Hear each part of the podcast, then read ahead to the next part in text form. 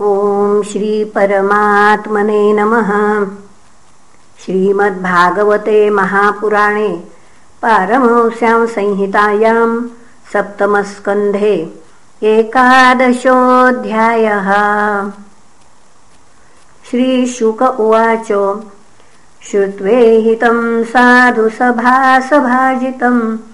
महत्तमाग्रण्य उरुक्रमात्मनः युधिष्ठिरो दैत्यपतेर्मुदायुतः पप्रच्छ भूयस्तनयं स्वयम्भुवः। युधिष्ठिर उवाच भगवन् श्रोतृमिच्छामि नृणां धर्मं सनातनं वर्णाश्रमाचारयुतं यत्पुमान् विन्दते परं। भवान् प्रजापतेः साक्षादात्मजः परमेष्ठिनः। सुतानां सम्मतो ब्रह्मस्तपो योग समाधिभिः। नारायणपरा विप्रा धर्मं गुह्यं परं विदुः। करुणाः साधवः शान्तास्त्वद्विधान तथा परे। नारद उवाच नत्वा भगवते जाय लोकानां धर्महेतवे। वक्ष्ये सनातनं धर्मं नारायणमुखाच्छ्रुतं योऽवतीर्यात्मनंशेन दाक्षायण्यान्तु धर्मतः। लोकानां स्वस्तयेऽध्यास्ते तपोबदरिकाश्रमे धर्ममूलं हि भगवान् सर्ववेदमयो हरिः। स्मृतञ्च तद्विदां राजन्येन चात्मा प्रसीदति। सत्यं दया तपःशौचं तितिक्षेक्षाशमोदमः। अहिंसा ब्रह्मचर्यञ्च त्यागस्वाध्याय आर्जवम्। सन्तोषः समदृक्सेवा ग्राम्येहो परमशनैः नृणां विपर्यये हेक्षा मौनमात्मविमर्शनम्। अन्नाद्यादे संवि पुनः अन्नाद्यादे संविभागो भूतेभ्यश्च यथार्हतः। तेष्वात्मदेवता बुद्धि सुतरां नृषु पाण्डव। श्रवणं कीर्तनं चास्य स्मरणं महतां गतेः। सेविज्यावनेतिर्दास्यं सख्यमात्मसमर्पणम् नृणामयं परो धर्म। सर्वेषां समुदाहृतः। त्रिंशलक्षणवान् राजन्। सर्वात्मा येन तुष्यति।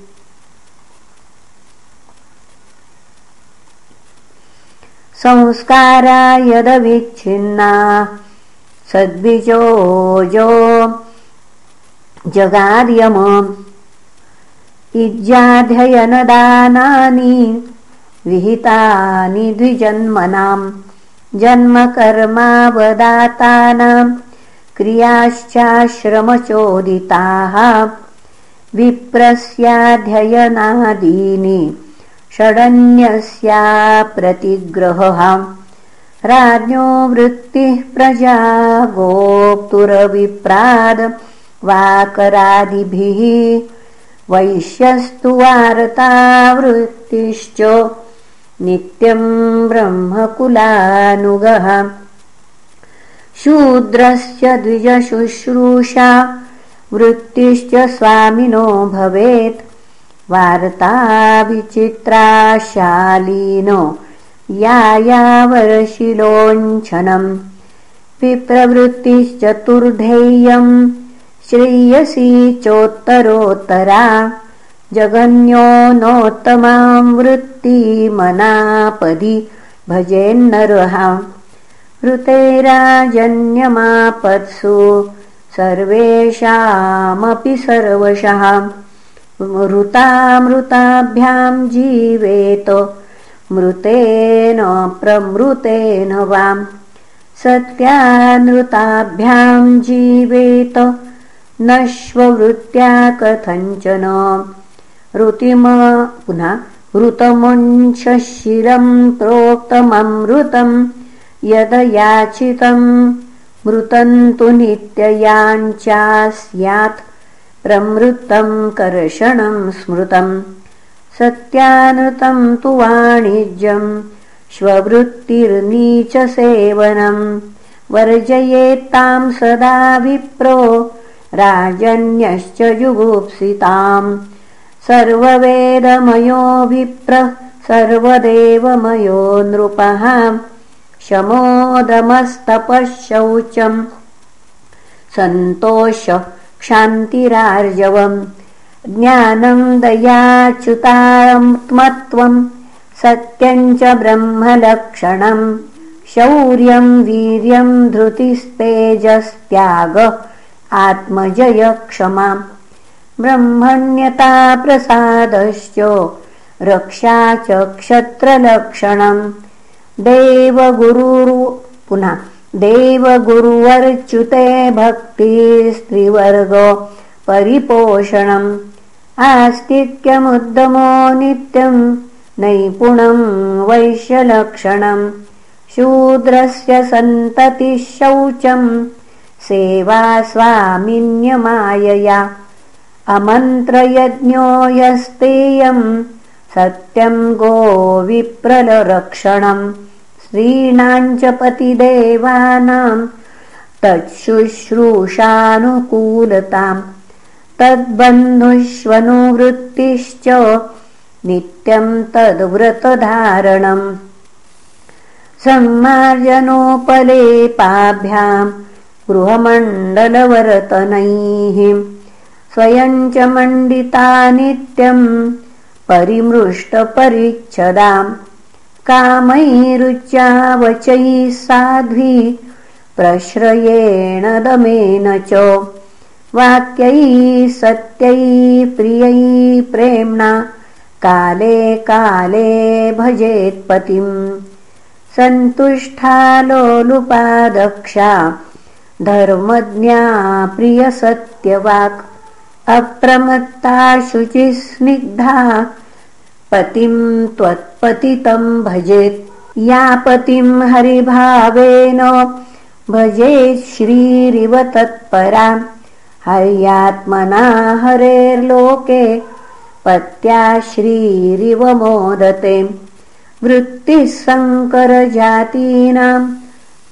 तत्तत्कुलकृता भवेत्। अचौराणामपापानामन्त्यजान्तेव सायिनाम्। प्रायस्वभावविहितो नृणाम् धर्मो युगे युगे। वेददृग्भिः स्मृतो राजन् प्रेत्यचेह च शर्मकृत्। वृत्त्या स्वभावकृतया वर्तमानस्वकर्मकृत्। हित्वा स्वभावजं कर्म शनैर्निर्गुणतामियात् उपमा पुनः उप्यमानं मुहुक्षेत्रं स्वयं निर्वीर्यतामियात् न कल्पते पुनः सूत्यै उक्तं बीजं च नश्यति एवं कामाशयं चित्तम् कामानामतिसेवया। विरजेत् यथा राजन्नाग्निवत् कामबिन्दुभिः। यस्य यल्लक्षणं प्रोक्तम् पुंसो वर्णाभिव्यञ्जकम् यदन्यत्रापि दृश्येत तत् तेनैव विनिर्दिशेत् इति श्रीमद्भागवते महापुराणे पारमहंस्यां संहितायां सप्तमस्कन्धे युधिष्ठिरनारदसंवादे सदाचारनिर्णयो नाम एकादशोऽध्यायः। श्रीकृष्णार्पणमस्तु। हरये नमः हरये नमः हरये नमः